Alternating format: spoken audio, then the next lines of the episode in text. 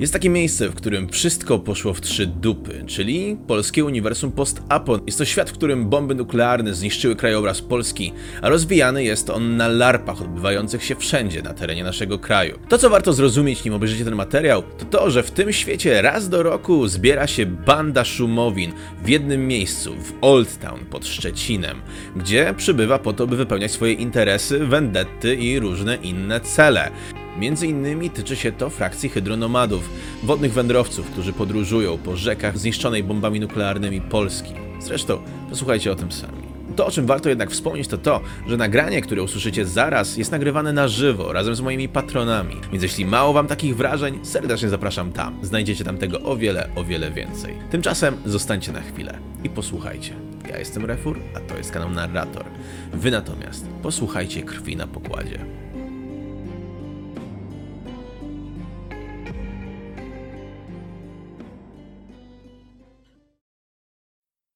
Hydroopowiadania. Wydarzenia podczas pory przybyszów 2119. Przejęcie barki. Upalne letnie słońce chyliło się ku zachodowi. Znikało leniwie za horyzontem, niosąc ze sobą nadzieję na odrobinę ochłody. Okrywało ziemię złocistą powłoką i sprawiało, że cały ten przesuszony, wyniszczony świat wyglądał może nie tyle bajkowo, co znośnie. Hasza siedziała, jak zwykle o tej porze na rufie i nie miała absolutnie żadnej szansy, aby to obserwować.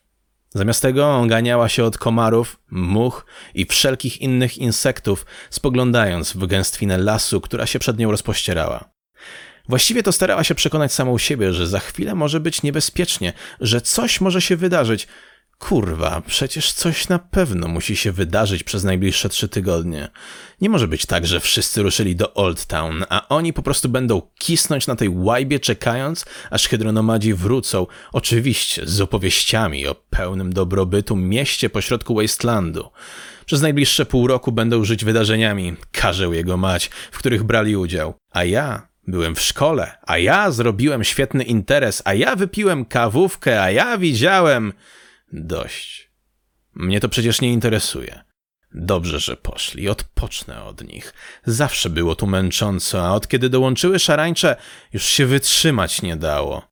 Popłyniemy do dawnej Zatoki Szczecińskiej, poczekamy, aż ten cały śmieszny cyrk się skończy. Hydronomadzi wrócą, może tym razem nawet bez dodatkowych gąb do wykarmienia i ruszymy dalej.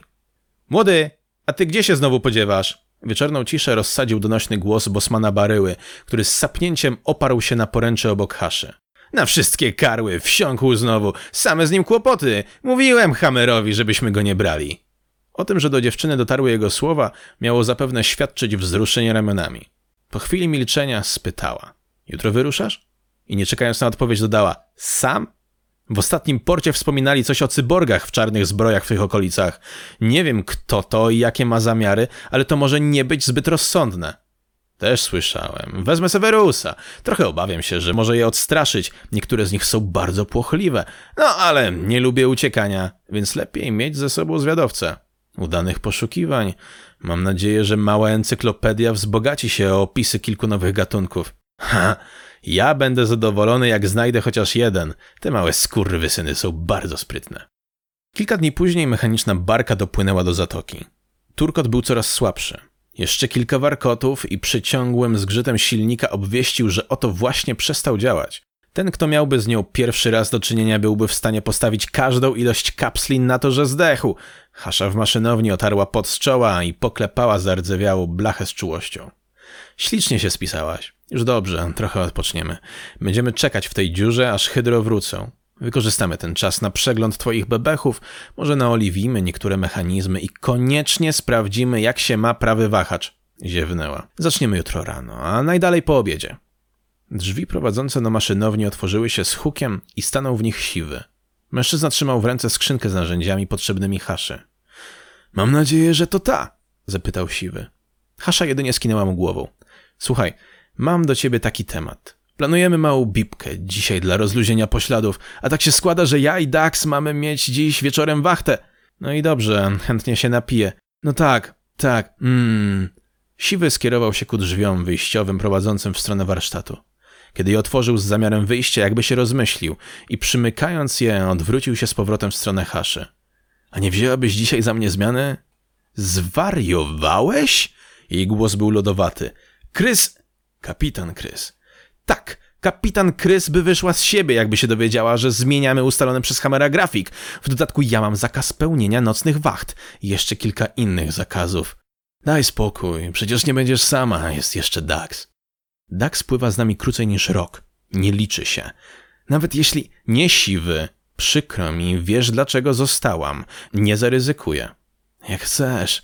Tylko pytałem, miałem ochotę się odprężyć. To wypij ciepłe rozgazowane, a potem idź na swoją zmianę. Dziękuję za takie rady. Ty też się wal. I twoją starą. Siwy opuścił maszynownię, trzaskając drzwiami, co było sporym wyczynem. Wszystkie przejścia na dolnym pokładzie zostały zbudowane z solidnych sztab metalu, a otwierało się je i zamykało za pomocą specjalnych obrotowych mechanizmów. Mężczyzna wyszedł na górny pokład i rozejrzał się po okolicy. Stali na kotwicy, jakieś 100 metrów od brzegu, zgodnie z zasadami bezpieczeństwa ustanowionymi jeszcze za kapitana Brody. Co prawda była tu jakaś wiocha otoczona murem zbudowanym ze wszelkiego śmiecia i był pomost, do którego mogliby przybić, jednak lepiej było dopływać w razie potrzeby łódką do brzegu. Miejscowym nigdy nie można było ufać, nawet jeśli wydawali się być przyjaźnie nastawieni. Bibka, jak ją nazwał Siwy, faktycznie była udana. Około 15 członków załogi, którzy nie wyruszyli na porę przybyszów, zebrało się w mesie. Niektórzy odbijali sobie fakt, że nie poszli do Old Town, inni ciężkie życie, a jeszcze inni po prostu uwielbiali zalewać się w trupa. Kiedy alkohol zaczął szumieć w głowach, rozległy się pierwsze przyśpiewki Barka, Slawo i oczywiście hydro opowieści. Po kolejnych litrach któraś z dziewczyn przyniosła maść na ból dupy, ulubiony specyfik wielu koneserów. Ostatnio maść sprzedawała się tak dobrze, że całe zapasy przygotowane przez pana Nata skończyły się jeszcze przed porą przybyszów. Ostatni słoiczek zachowany był na specjalne okazje. Atmosfera była odprężająca i nikt nie spodziewał się kłopotów. To stało się nad ranem, kiedy nawet najtwardsi zawodnicy posnęli w swoich kajutach albo gdziekolwiek indziej, gdy na czworakach próbowali dotrzeć pod właściwy adres koi. Siwy leniwie przechadzał się po dziobie, smutno rozmyślając nad tym, że taka impreza jak wczoraj długo się nie powtórzy. A on, oprócz tego, że wypił kilka kielonków, nawet nie miał okazji dobrze pośpiewać. Nagle usłyszał za sobą kroki i odwrócił się energicznie, wyciągając spluwę. Zobaczył Daxa idącego w jego kierunku. W ręku trzymał ciężki kij, tak zwany baseball, choć kurwa nikt nie wiedział skąd wzięła się ta nazwa. Stary, przestraszyłeś mnie. Czemu nie stoisz na rufie? Usłyszałem coś i przyszedłem sprawdzić, czy u ciebie wszystko w porządku. Dax uniósł ręce w uspokajającym geście. To nie mogłeś po prostu krzyknąć? Siwy z niepokojem zmierzył kompana wzrokiem. Bałem się, że mogą nas usłyszeć. Głos Daxa zabrzmiał zupełnie obco. Kto niby kurwa? Szponiarze, odpowiedział Dax, wskazując ręką w stronę pomostu. Siwy odwrócił się i wytężył wzrok. Faktycznie dostrzegł na pomoście kilka ciemnych sylwetek niosących za sobą coś, jakby łódkę.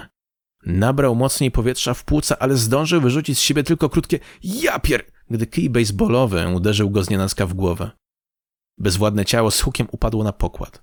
Dax zastygł na chwilę w bezruchu, marszcząc czoło i nasłuchując.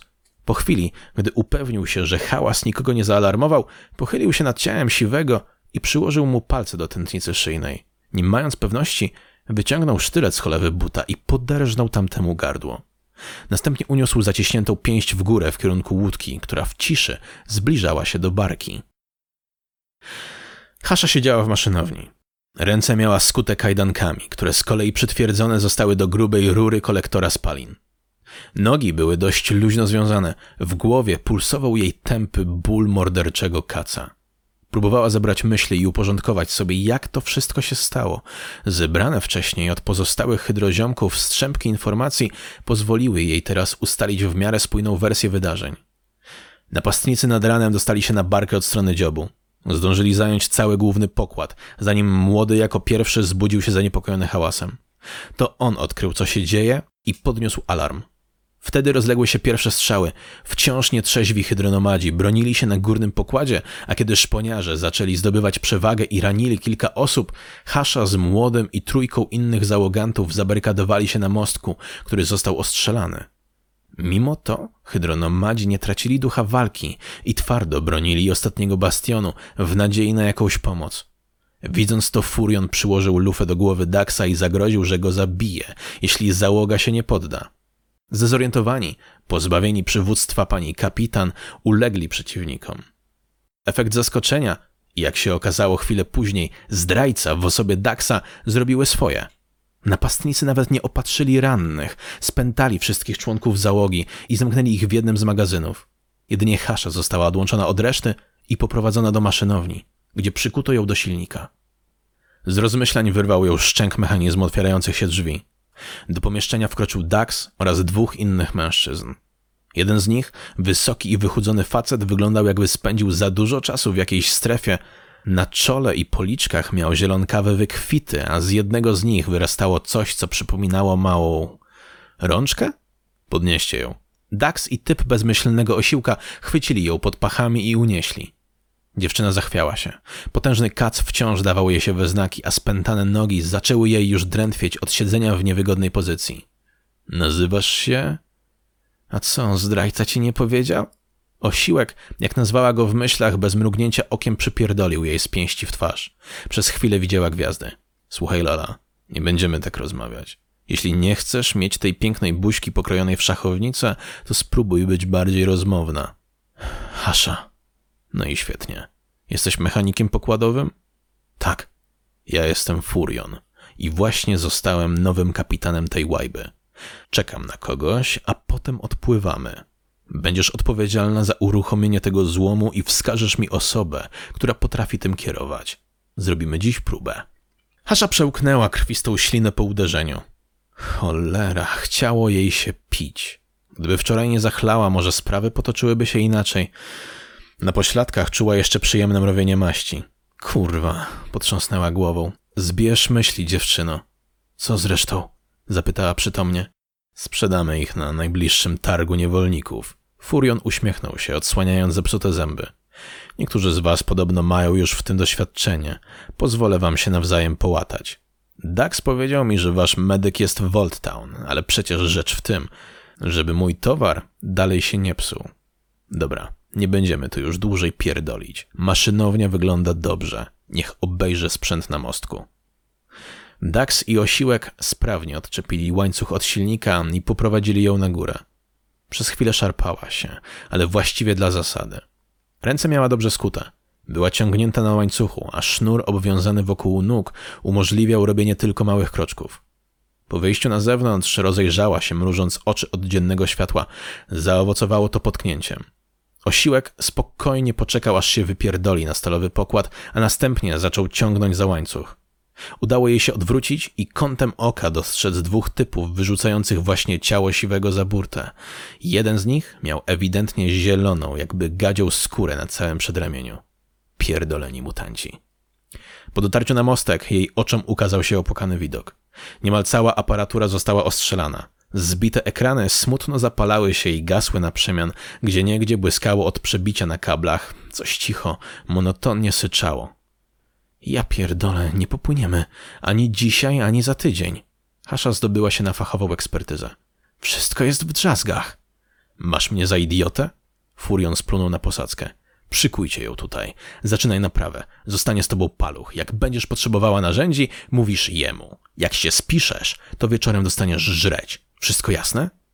A więc osiłek miał ksywę paluch. W sumie słabo. Ksywa 2 na 10. Rozmyślała Hasza, gdy dotarł do niej sens słów wypowiadanych przez szponiarza. Jestem mechanikiem, a nie elektrykiem. Nie potrafię tego naprawić. No to po chuj tu z tobą przyszedłem. Kto umie? Nie ma nikogo takiego. Pływacie tym złomem bez człowieka, który zna się na elektryce? Nie. Nie wkurwiaj mnie, dziewczyno. Już ci to mówiłem. Jedyny elektryk na tej barce. Hasza spojrzała Furionowi w oczy, po czym przeniosła wzrok na Daxa. To siwy, który właśnie wita się z rybkami. O ile jakieś jeszcze przetrwały w tej żyburze.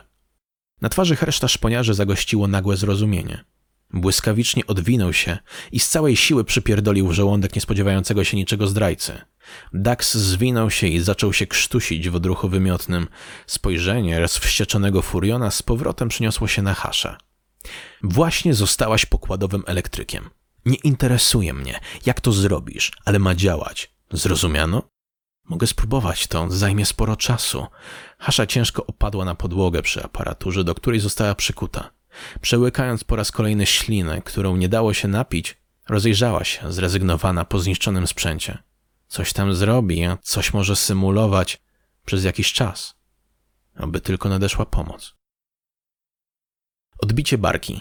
Przygotowania. Dotarli do przystani przed północą. Noc była gęsta i ciemna. Zatoka zdawała się być przysłonięta lekko unoszącą się mgłą. Mimo późnej pory wcale nie było cicho. Nawet fale obijały się o brzeg jakoś głośniej i natarczywiej.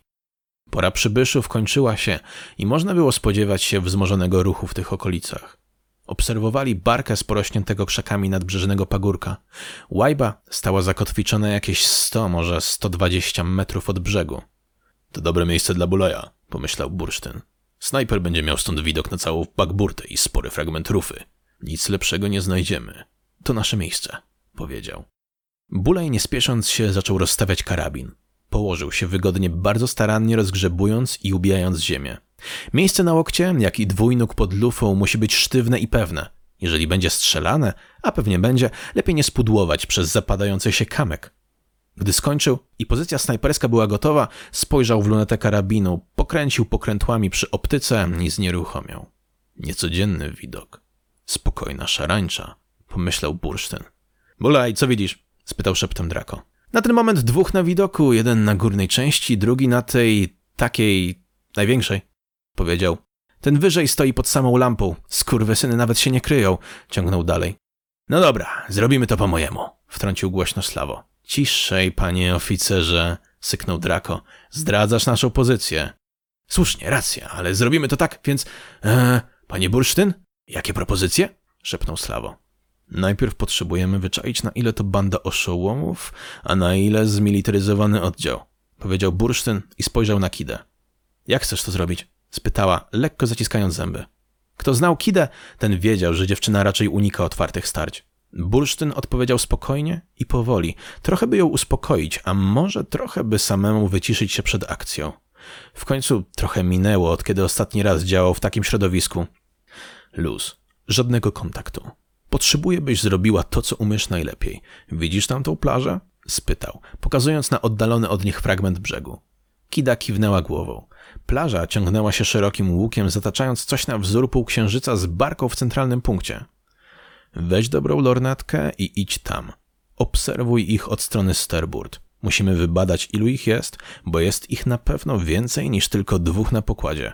Urwał i na chwilę zamyślił się, po czym dodał oraz jak często komunikują się między sobą. Zmilitaryzowany oddział będzie raportował statusy. Potrzebujemy wybadać, jak często to robią. Odstęp między raportami to czas, jaki mamy na odbicie barki. Zatrzymał się i zastanowił chwilę. A przynajmniej na pierwsze uderzenie i odnalezienie zakładników. Inaczej ryzykujemy ich śmiercią. W każdym razie obserwujemy ich przez półtorej godziny. Powinno wystarczyć. Później spotykamy się tutaj, by zebrać do kupy, co wiemy. Dokładnie tak planowałem. Dobry plan, panie Bursztyn, rzucił wyniośle Slawo, klepiąc przedmówcę po ramieniu. Dobra, jasne. Idę. Rzuciła krótko Kida i podniosła się z ziemi. Bursztyn złapał ją za rękę i dodał: Pamiętaj, półtorej godziny. Jakby w tych chaszczach coś się czaiło albo poszło nie tak, to spierdalasz. Uśmiechnęła się i zbiegła z pagórka, tak by nie zdradzić ich pozycji. Już po kilku sekundach stracili ją z oczu. Noc była ciemna, a krzaki gęste. Iść za nią? spytał Drako. W razie wtopy byś tylko jej przeszkadzał. Za duży jesteś, odpowiedział Bursztyn. Kurwa, odezwał się Mikrus. Urwał Drako obserwując tyły zbocza. Spokojna służba. Ja pierdolę. Czekali, a Bulaj obserwował barkę i jej nowych lokatorów. Jest i trzeci, główny pokład. Właśnie wyszedł na dziób, szepnął Bulaj. Półtorej godziny dłużyło się niemiłosiernie. Wszystkim wydawało się, że minęło już przynajmniej pięć godzin. W tym czasie Bursztyn opowiadał Drako o barce, o jej konstrukcji, o korytarzach i przejściach. Ustalali wstępny plan działania pierwszego uderzenia. Z tyłu zbocza usłyszeli ciche kroki. To Kida szybkim truchtem przybiegła do nich, a gdy była już niedaleko, podczołgała się do reszty, znacząco pokazując na zegarek. Dobra, wszyscy już są. Co wiemy? Bulaj mówisz pierwszy, powiedziała kapitan Krys, unosząc się lekko na łokciach. Po mojemu to losowa zbieranina. Nic nikomu nie raportują, nawet chyba nie mają jak. Zresztą ten na górze zaraz będzie tak pijany, że straci przytomność. Przed chwilą się prawie wyjebał, odpowiedział młody szarańcza, nie odrywając nawet na chwilę wzroku od lunety karabinu. W co są uzbrojeni? spytał Draco, podczołgując się bliżej. Ten na górze ma karabin, tych dwóch na niższym poziomie tylko maczety, a przynajmniej tylko to widać, odpowiadał dalej Bulaj. Czy nie mają czegoś pod koszulą? Tego nie wiem. Kida? Spojrzała na nią pytająco Krys. Od sterburty jest na pewno jeszcze jeden na głównym pokładzie. Wydawało mi się też przez chwilę, że na mostku coś się poruszyło, ale nie jestem pewna. Było za daleko. Zbyt ciemno, więc może być ich jeszcze dwóch na górnym. Ci, co są odsłonięci, chyba nie raportują nic. Jeżeli dobrze widziałam i słyszałam, to czasami tylko coś do siebie krzyczą. Prawdopodobnie się wyzywają. Po wodzie dźwięk dobrze niesie, ale nie jestem pewna. Znaczy, ten z górnego pokładu głównie krzyczy do tych z głównego. Mało zgrana ekipa, odpowiedziała. Bursztyn spojrzał na Drako i rzucił szybko. Git. To niby upraszcza sprawę, ale trzeba pamiętać o jednym. Jeżeli mają pięć widocznych patrolujących, to pewnie cała ekipa ma około dwadzieścia osób, jak nie więcej. Zamyślił się na chwilę. To co, Drako? Jak na pustynnej cytadeli u wściekłego Willego? Ta, dywersja. Od strony tamtego mola, przy tej wioseczce przydałoby się coś podpalić, odpowiedział Drako, wskazując molo wyciągniętą ręką. Krys zmroziła go wzrokiem. Hydronomadzi to nie sfora wściekłych mutantów. Nie zabijamy wszystkiego, co się rusza. Jabol, a ty masz ten swój smrodliwy specyfik? spytał Slawo, podkręcając wąsa. Jabol z uśmiechem otworzył sakiewkę i zaczął w niej szperać, mrucząc pod nosem. Miało być na specjalną okazję w kajucie baryły, no ale cóż, wyciągnął fiolkę z czymś zielonym w środku i dodał, siła wyższa. Kapitan Krys spojrzała na brata z politowaniem, ale nie skomentowała. Tak też można. Kida, weź to. Przekradnij się i wrzuć komuś z tej wioski do chaty. Tylko jebnij tak, by fiolka się rozbiła i od razu wracaj. Powiedział Draco, pokazując na zielone coś w ręku medyka. W tym samym czasie Slawo, wolno rozglądając się, mruczał coś pod nosem, po czym stwierdził Trzeba jeszcze wymyślić sposób, jak się na barkę dostać. A tamte łodzie w krzakach? spytała kapitanka, wskazując na całkiem solidne, przykryte gałęziami trzy łódki nieopodal. Wszyscy jak na komendę odwrócili się we wskazanym przez Krys kierunku. Ty, no ja pierdolę, faktycznie, łodzie! szeptali do siebie wszyscy hydronomadzi z soczystym zdziwieniem na twarzach. Drako, Slawo, kopsnijcie się tam sprawdzić, czy te próchno się do czegoś jeszcze nadaje, powiedziała Krys. Pani kapitan powinna w dublety grać, z takim szczęściem i okiem, skomentował Drako. Zaraz zaczynamy. Kida powinna być już na miejscu przy wiosce, więc się skupmy. Plan generalnie jest taki. Bursztyn dał wyraźnie znak rękami, by wszyscy podeszli i zebrali się do kupy w jednym miejscu. Ja i Draco wyjdziemy jako pierwsi od strony rufy. Powiedział, ciągnąc spokojnie dalej. I wyczyścimy górny i główny pokład. Jak u Willego, uśmiechnął się Draco. Jak u Willego, przytaknął Bursztyn. Tniemy i maskujemy. Zabity się nie obudzi. Zabity będzie cicho, dokończył Draco. Bursztyn mówił dalej. I w trakcie tej opowieści razem z Draco ku zdziwieniu innych zaczęli ściągać zbroję, ale nikt nie zapytał czemu. Słuchali dalej planu. Obaj zostawiali przy pasach noże, bursztyn dodatkowo przy nodze pistolet, ich karabiny leżały na zrzuconych zbrojach. Widać było, że nie mają zamiaru brać ich za sobą. Dodatkowo każdą sprzączkę, wszystko, co mogło wydać jakiś dźwięk, owijali szmatami lub wysępionymi od diabola starymi bandażami. Bulaj spojrzał na ciągle cichego szarańcze bursztyn, owijając sprzączkę kabury pistoletu szmatą. Hmm? Szarańcza jakby się ożywił. To cicha akcja. Wywołujesz nas na radio w ostateczności. To my będziemy się do ciebie odzywać, jak będzie względnie bezpiecznie, a tak to cisza w eterze. Strzelasz w ostateczności. Jasne, przytaknął Bulaj i ponownie spojrzał w lunetę. Reszta ekipy dołączy do nas, jak już pozbędziemy się wartowników i damy znać przez radio. Tutaj bursztyn urwał i odwrócił się do kapitanki, w międzyczasie owijając szmatą mocowanie pasa. Jeszcze raz proszę, by pani kapitan nie wchodziła na pokład i została tu z Bulajem, w razie czego snajper powinien mieć kogoś do ochrony. Nie masz szans. Wiesz, że będę wam tam potrzebna. Zresztą nie zajmujesz się już ochroną tylko mojej dupy, ale razem z Draco chronicie całą załogę. Ostatni raz ci to mówię. Przestań trzymać mnie pod kloszem, odpowiedziała już z lekką irytacją Krys. Rozkaz, powiedział smutno Bursztyn. Odbicie barki. Pokład główny. Przyczajony bursztyn, ukryty kamyk. Łodzie były wysuszone, a mimo to w jakiś niewytłumaczalny sposób cuchnęły mokrą stęchlizną. Brak pancerza wydawał się być ryzykowny, ale konieczny do tej roboty. Wiosłowali wolno i bardzo ostrożnie.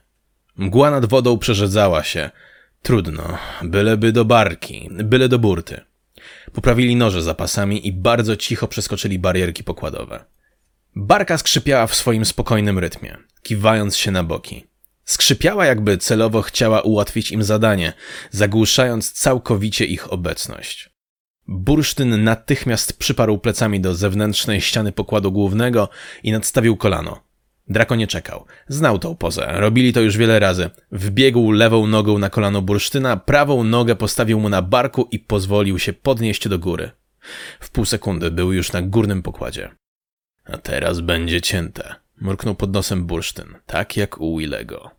Korytarz, przesmyk, kajuta pokładowa czy piwnica, miejsce nie ma znaczenia, schemat jest ten sam. W każdej akcji i każdej misji, gdzie szło się na cichca, zawsze ten sam, wyuczony i automatyczny. Przyczajka, zajście od tyłu, szybki chwyt za usta, by uniknąć krzyku, szybkie cięcie po szyi, bardzo głębokie, tak by już nie poprawiać. Później przytrzymanie i podciągnięcie. Niech krew wypłynie z mózgu. Wystarczy parę sekund. W tym czasie delikatna walka i konwulsje jeszcze przez chwilę szamoczących się zwłok. Na koniec opuszczenie i mocne dźgnięcie w środek klatki piersiowej, by dotrzeć do serca, tak dla pewności, ale w większości przypadków całkowicie już niepotrzebnie. Zaczaił się za strażnikiem, który widać znudził się już poruszeniem wywołanym fiolką jabola na brzegu od strony wioski. Dywersja zadziałała idealnie, pomyślał Bursztyn. Jego pierwsza ofiara nie miała szansy się przygotować. Silnym chwytem od tyłu zasłonił szpaniarzowi usta, całkowicie dławiąc krzyk, a później było to, co zwykle. Ledwo słyszalne harknięcie i cichy kwik, które bardzo szybko wtopiły się w skrzypnięcia łajby. Dalej w korytarz. Tu czysto, tu też, a tu otwarta kajuta, cały czas nisko i cicho, cały czas na kuckach, a w prawej ręce już mokry od posoki nóż. Postać w kajucie i uchylone drzwi. Ponownie automatyczne ruchy jak po sznurku. Szybkie dwa kroki, chwyt, ścisk, przytrzymanie i cięcie. Ręce, ubranie i twarz coraz bardziej czerwone. Dobrze, że Kida tego nie widzi. Dobrze, że nikt tego kurwa nie widzi. Szeptał lekko dysząc. Kolejna postać? Tym razem korytarz. Facet widocznie nie miał dziś warty. Wyluzowany i oparty o ścianę korytarza przegląda gazetkę z gołymi babami. Bulej nie miał szans cię zobaczyć, skurwielu, pomyślał. Sytuacja nie była ciekawa. Można by powiedzieć, że wyjątkowo niebezpieczna, gdyby nie fakt, że cała ta cholerna akcja była wyjątkowo mało bezpieczna. Człowiek Furiona stał przodem do jedynego kierunku, z którego można by wykonać sensowny atak, a na obchodzenie całej barki i zajście od tyłu nie było czasu. Cholera, za daleko by doskoczyć. Rzut nożem raczej nie zablokuje krzyku, o ile w ogóle trafię. Drako ze swoim fartem może by i trafił, ale ja? Chuj z tym. Zaryzykuję.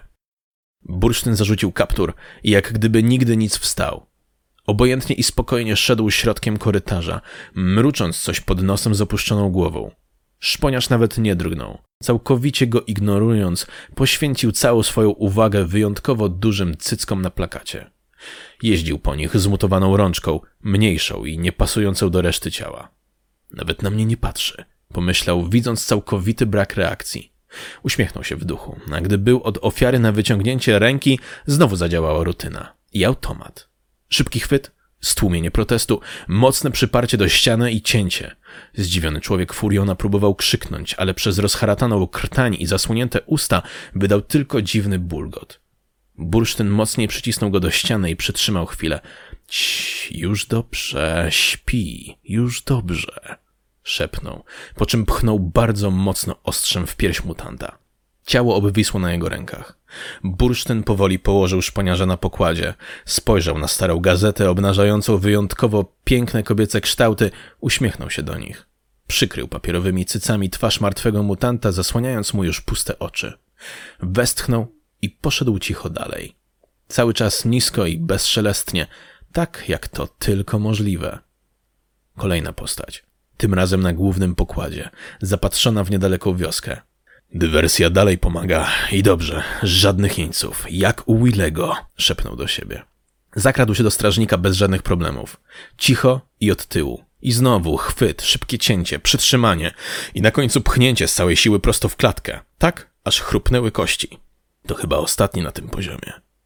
Bursztyn usłyszał za sobą skrzyp schodów łączących górny pokład z głównym. Odwrócił się, gwałtownie wyciągając pistolet z kabury udowej. Draco zamarł w pół kroku i spojrzał na niego z wyrzutem. Swój kurwa, pojebało cię? wyszeptał. Odbicie barki. Pokład górny. Wściekłe, szczęśliwe, pięści draka.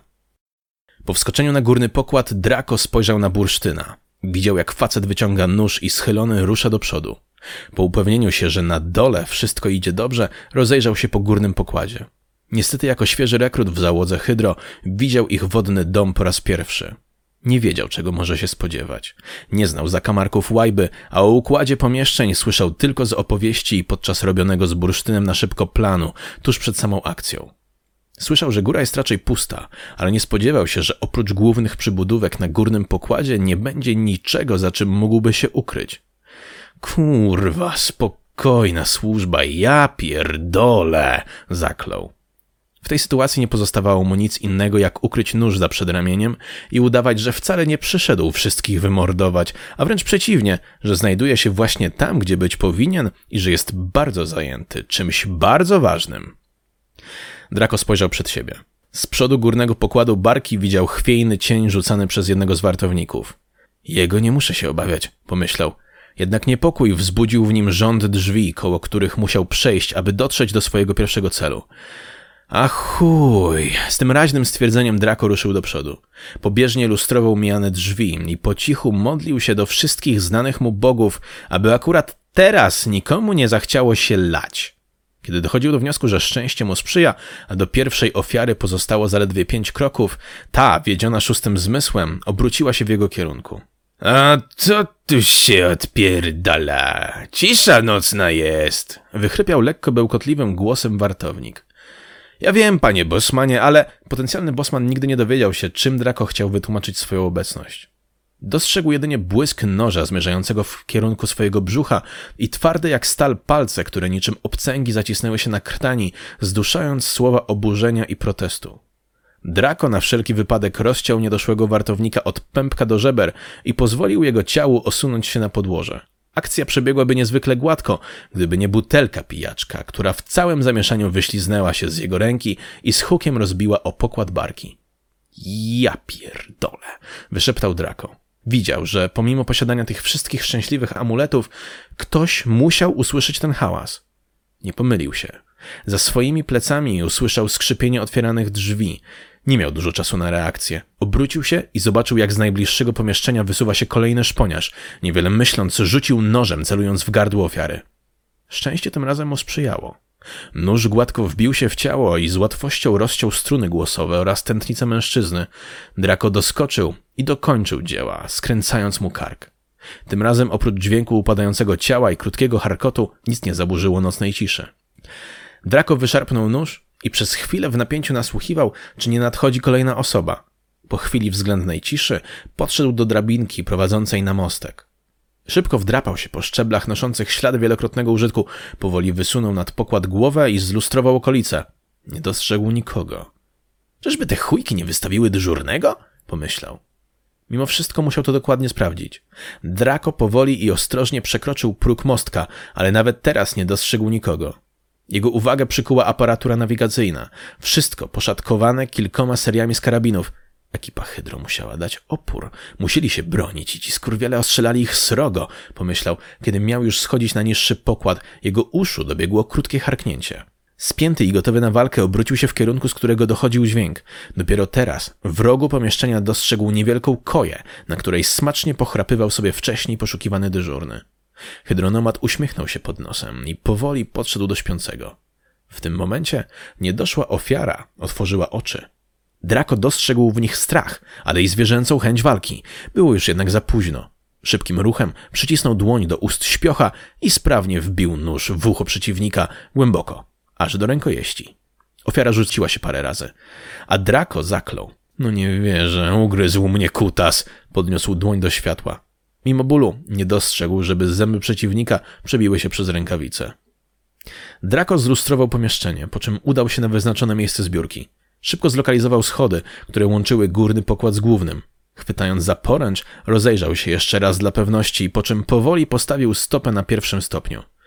Nawet mocno nie skrzypią, pomyślał. Zrobił kilka kolejnych kroków i tym razem usłyszał głośniejsze skrzypnięcie. Zamarł w pół kroku, widząc wycelowany w swoją stronę pistolet bursztyna. Swój kurwa, pojebało cię! wyszeptał. Bursztyn schował powoli broń. Jak? Góra czysta, a u ciebie? spytał szeptem Drako. Otwarta część głównego też, tyle że ani śladu załogi, odparł bursztyn. Dobra, wołam resztę. Nie ma czasu na poszukiwania we dwoje. Za dużo trupów już tu leży. W każdym momencie możemy zostać zdemaskowani. Spojrzał na bursztyna z wykrzywioną miną. A ty weź się jakoś przetrzyj, ogarnij, czy coś ujebany po uszy jesteś. Ty też czysty nie jesteś, odpowiedział bursztyn, próbując wytrzeć zakrwawione ręce i twarz o rękaw bluzy.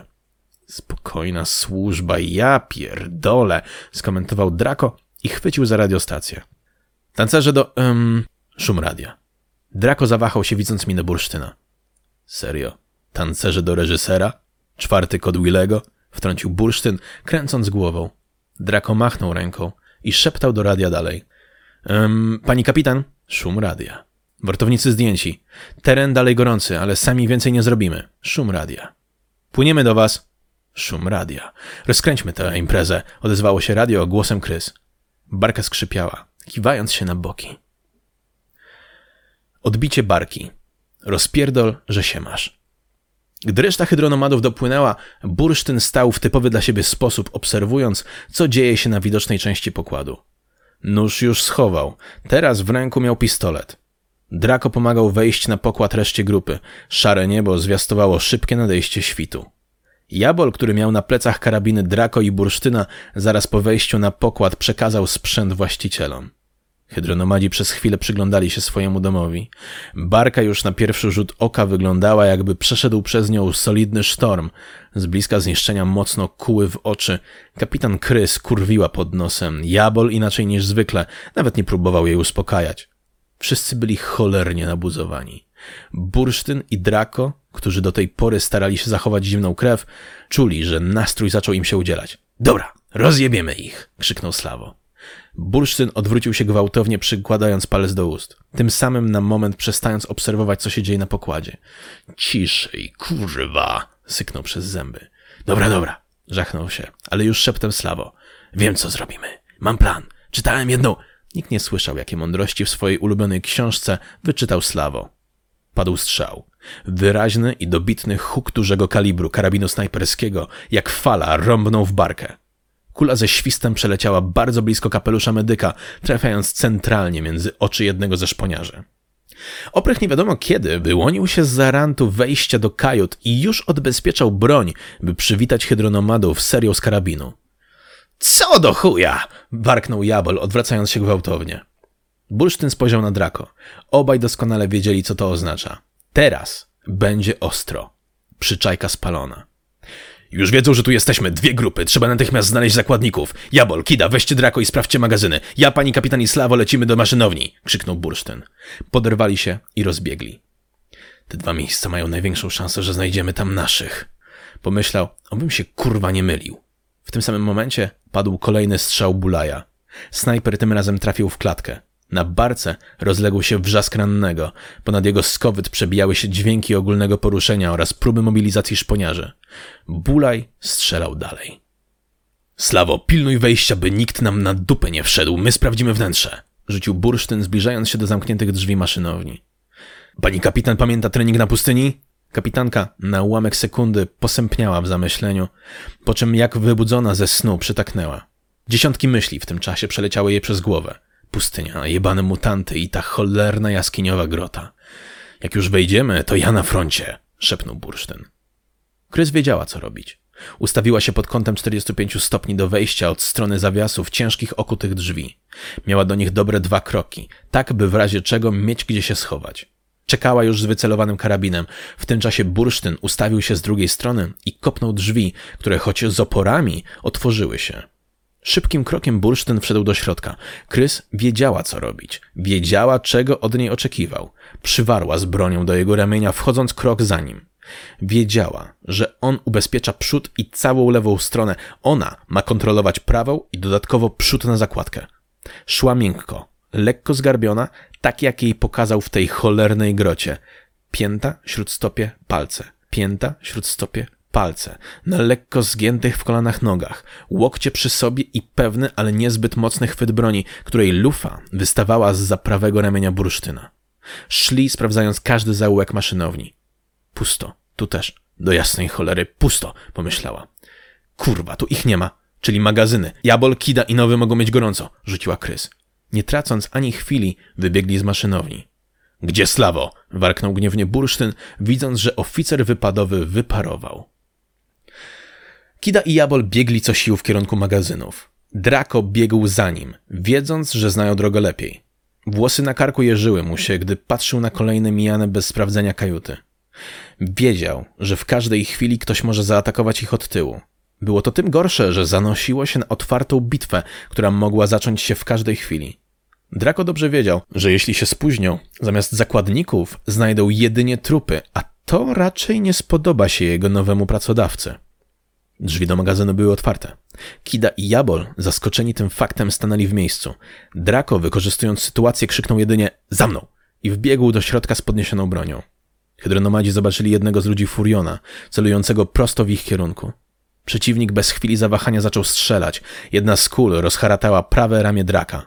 Zanim furionista zdążył dokończyć dzieła, Jabol uniósł karabin i trafił mutanta prosto w czoło. Mówiłem ci, że dobrze strzelam, rzucił szybko medyk.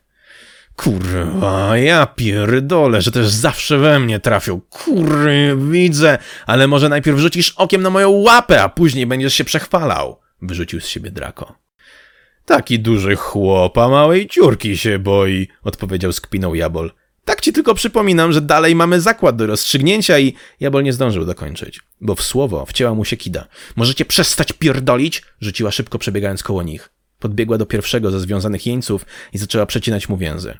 Jabol owinął kawałkiem bandaża świeżą ranę Draka i doskoczył do kolejnego hydronomada, szybko rozcinając krępującego więzy. Drako w tym czasie stał przy drzwiach, obserwując pokład i delikatnie napinając uszkodzone mięśnie, żeby sprawdzić, jakie szkody poczyniła kula. Kurwa, za późno, już tu są, trzeba szybko. Seria z karabinu zagłuszyła głos Draka. Ten niewiele myśląc odpowiedział ogniem i wrzasnął do hydronomadów. Zostawcie jednemu nóż i niech on uwalnia resztę. Po czym wybiegł z magazynu, chowając się za blaszane beczki. Rozpoczęła się otwarta bitwa. Ogień za ogień. Pocisk za pocisk. Atakujących szponiarzy nie było już dużo, ale mieli dobrą pozycję. Bulej nie miał czystego strzału, a wycofać się, by oddać pole i rozjebać ich w wąskim przejściu, nie było jak. Oddalenie się od magazynu oznaczałoby śmierć nieuwolnionych zakładników. Nie, nie, nie ma szans, trzeba utrzymać pozycję, pomyślał Draco. Jabol i Kida też byli tego świadomi. Nagle usłyszeli szybkie i pojedyncze strzały z prawej strony, tak różne od chaotycznej strzelaniny ludzi Furiona. Kida wychyliła się lekko, by zobaczyć, kto strzela. To Kres i Bursztyn! rzuciła szybko, chowając się przed nadlatującym gradem pocisków. Dobrze, flankują ich z prawej, powiedział Draco. Taki krzyżowy ogień znacznie zwiększa nasze szanse. Draco wychylił się. Na szybko wycelował i strzelił. Pocisk trafił w ramię, które nieostrożnie wystawało z za skrzyni. Usłyszeli krzyk rannego szponiarza. Jego towarzysze, jakby na komendę, przestali strzelać. Zaskoczeni hydronomadzi również wstrzymali ogień. Dziwna cisza zaowocowała typowym, szumowatym piskiem w uszach. W tę pauzę wciął się sam Furion. Chociaż żaden hydronomat nie słyszał Furiona wcześniej, wszyscy doskonale wiedzieli, że to on. Wódz szponiarzy charkliwym i władczym głosem wykrzyczał Stój, nie strzelaj, albo ona zginie.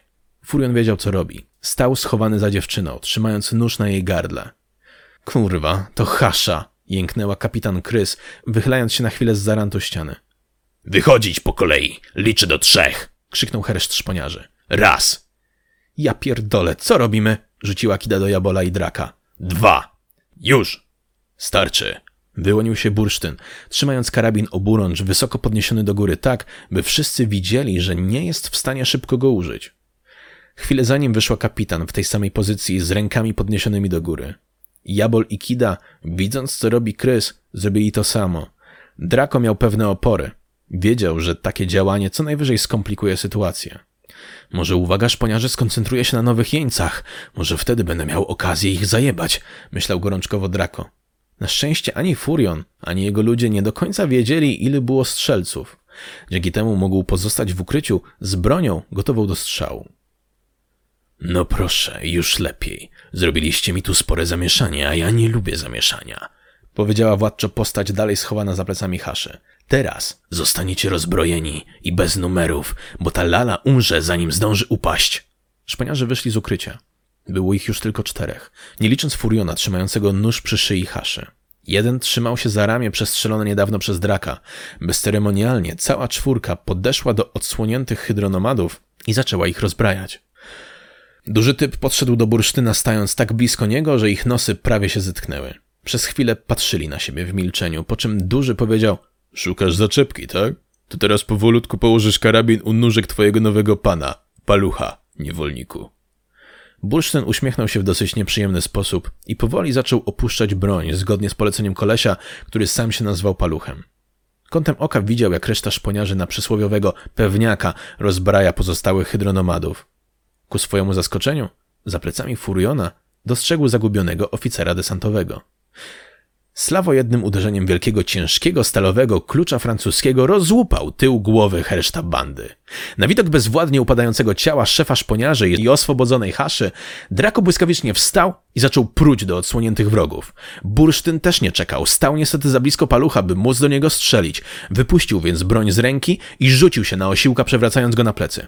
Liczył na to, że będzie miał okazję dokończyć sprawę nożem, gdy ten będzie już leżał na ziemi. Niestety nie docenił palucha.